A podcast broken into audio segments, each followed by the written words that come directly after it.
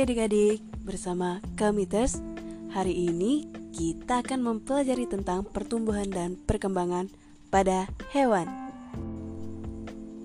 Coba, apakah kamu pernah melihat ayam bertelur? Nah, saat ayam bertelur, telur ayam menetas, kemudian keluarlah anak ayam. Anak ayam tumbuh menjadi ayam dewasa ayam betina dewasa menghasilkan telur kembali, dan seterusnya. Ayam dan hewan lain juga mengalami pertumbuhan dan perkembangan. Nah, kita akan mempelajari pertumbuhan dan perkembangan pada hewan. Nah, kamu pasti pernah melihat seekor kucing, kan? Kucing betina dewasa bisa beranak, loh. Kucing merupakan hewan yang berkembang biak dengan cara melahirkan. Kucing bernapas dengan paru-paru. Kulit kucing ditumbuhi rambut. Kucing mengalami pertumbuhan. Kucing akan terus bertumbuh besar dan rambutnya yang tipis akan bertambah lebat seiring dengan pertumbuhannya. Dari anak kucing tumbuh menjadi kucing remaja dan terus tumbuh menjadi kucing dewasa. Jika kamu ingin memelihara kucing di rumah, pastikan kamu menyiapkan tempat tinggal untuk kucing dan menjaga kebersihannya. Setiap hari juga, kucing diberi makan, minum, dan dimandikan secara teratur, sehingga kucing dapat bertumbuh dengan baik. Dan jangan lupa untuk menyayangi dan menjaganya. Coba kamu perhatikan di lingkungan sekitarmu, apakah terdapat hewan-hewan yang masih kecil dan juga hewan-hewan yang sudah dewasa. Hal tersebut membuktikan bahwa hewan mengalami pertumbuhan dan perkembangan. Ayo, kita cari tahu tahapan-tahapan pada hewan. Tahapan pertumbuhan dan perkembangan hewan membentuk siklus hidup atau daur hidup. Hewan mengalami tahapan pertumbuhan dan perkembangan yang berbeda-beda ada jenis hewan yang mengalami perubahan bentuk pada setiap tahapan hidupnya, namun ada pula hewan yang tidak mengalami perubahan bentuk pada tiap tahapan pertumbuhan dan perkembangannya. Contohnya, kucing dan kelinci. Hewan yang mengalami perubahan bentuk dalam siklus hidupnya berarti mengalami metamorfosis. Sedangkan hewan yang tidak mengalami perubahan bentuk dalam siklus hidupnya berarti tidak mengalami metamorfosis. Hewan yang mengalami perubahan bentuk dalam setiap pertumbuhan dan perkembangan dinamakan metamorfosis sempurna. Sedangkan hewan yang mengalami perubahan bentuk hanya dalam beberapa tahapan hidupnya dinamakan mengalami metamorfosis tidak sempurna. Coba kita lihat dan perhatikan daur hidup kupu-kupu.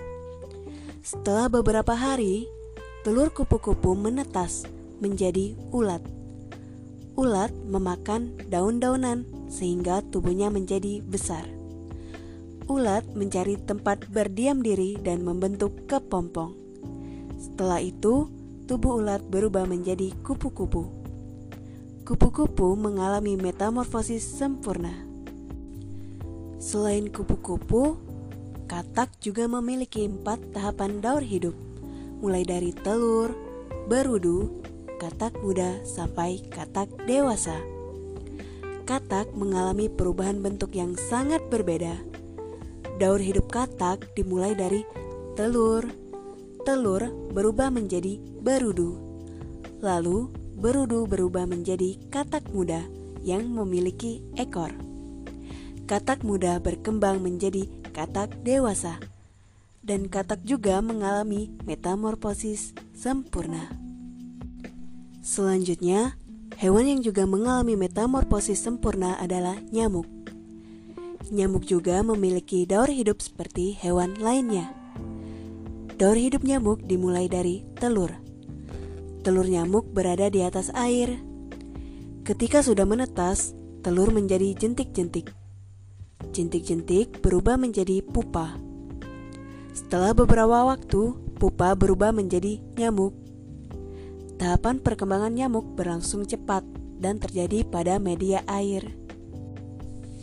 Selanjutnya, ada juga hewan yang mengalami metamorfosis tidak sempurna. Contoh hewan yang mengalami metamorfosis tidak sempurna adalah belalang. Hal ini dikarenakan hewan ini hanya mengalami perubahan bentuk pada beberapa tahapan perkembangannya saja. Belalang betina dewasa akan bertelur. Kemudian, telur akan berubah menjadi nimfa. Nimfa adalah belalang kecil. Lalu, pada nimfa dewasa akan tumbuh sayap. Selanjutnya, nimfa akan menjadi belalang dewasa. Nah, bagaimana materi tentang pertumbuhan dan perkembangan pada hewan kali ini? Menyenangkan bukan? Kakak harap kalian dapat memahami materi ini dengan baik. Sampai berjumpa kembali di materi selanjutnya.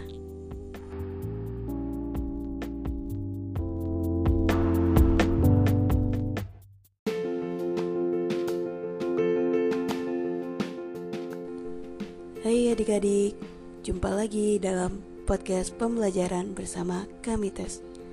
Dalam podcast kali ini kita akan membahas tentang pertumbuhan dan perkembangan tanaman. Mari kita simak bersama-sama. Pertumbuhan tanaman dapat dipengaruhi oleh beberapa faktor. Di antaranya yaitu ada faktor internal dan faktor eksternal. Faktor internal yaitu faktor yang terdapat pada tubuh tanaman. Sedangkan faktor eksternal yaitu faktor yang berasal dari luar tubuh tanaman. Faktor internal dipengaruhi oleh dua faktor. Yang pertama yaitu genetik dari induknya. Genetik inilah yang akan menentukan sifat, bentuk, warna bunga, rasa buah, dan lain-lain. Dan yang kedua adalah hormon, yaitu zat yang berperan dalam mengendalikan berbagai fungsi tanaman. Lalu juga ada faktor eksternal. Faktor eksternal ini dipengaruhi oleh yang pertama yaitu nutrisi, bisa berupa pupuk, Lalu yang kedua, cahaya matahari dan suhu udara. Yang ketiga, air dan kelembaban. Dan faktor yang terakhir ialah kesuburan tanah. Jadi, jika semua faktor eksternal telah terpenuhi, tumbuhan akan tumbuh dengan subur.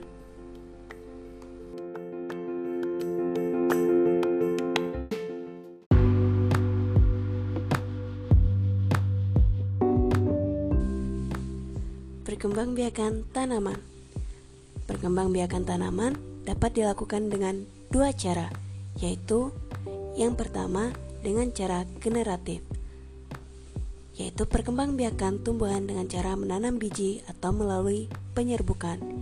Contohnya pada tanaman jeruk, mangga, semangka, dan lain-lain.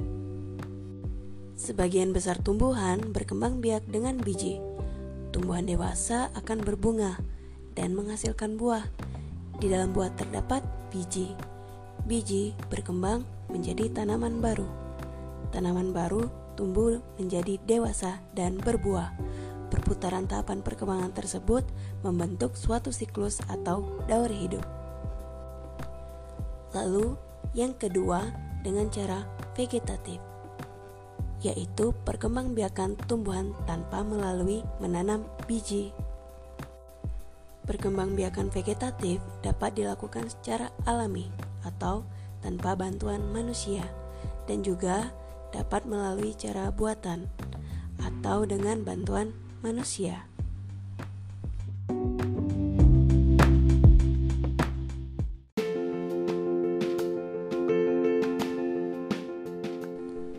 Hai adik-adik, jumpa lagi dalam podcast pembelajaran bersama kami Tes.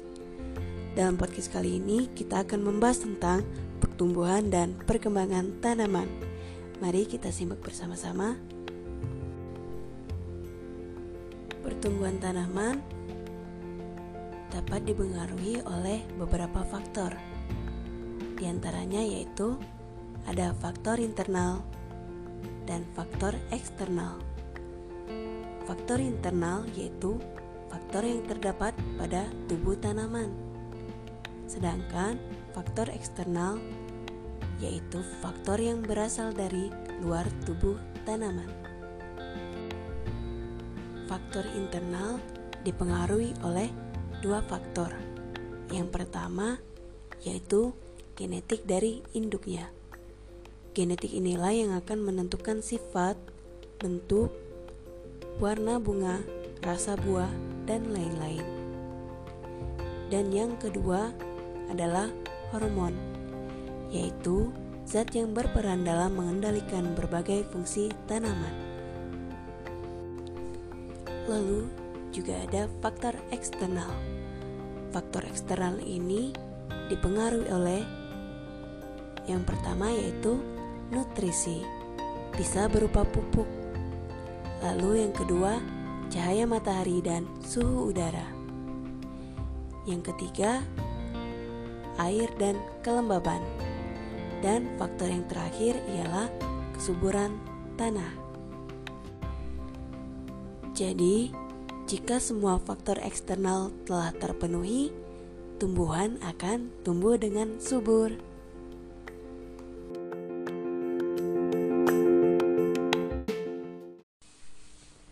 Perkembangbiakan tanaman Perkembangbiakan tanaman dapat dilakukan dengan dua cara, yaitu yang pertama dengan cara generatif, yaitu perkembangbiakan tumbuhan dengan cara menanam biji atau melalui penyerbukan.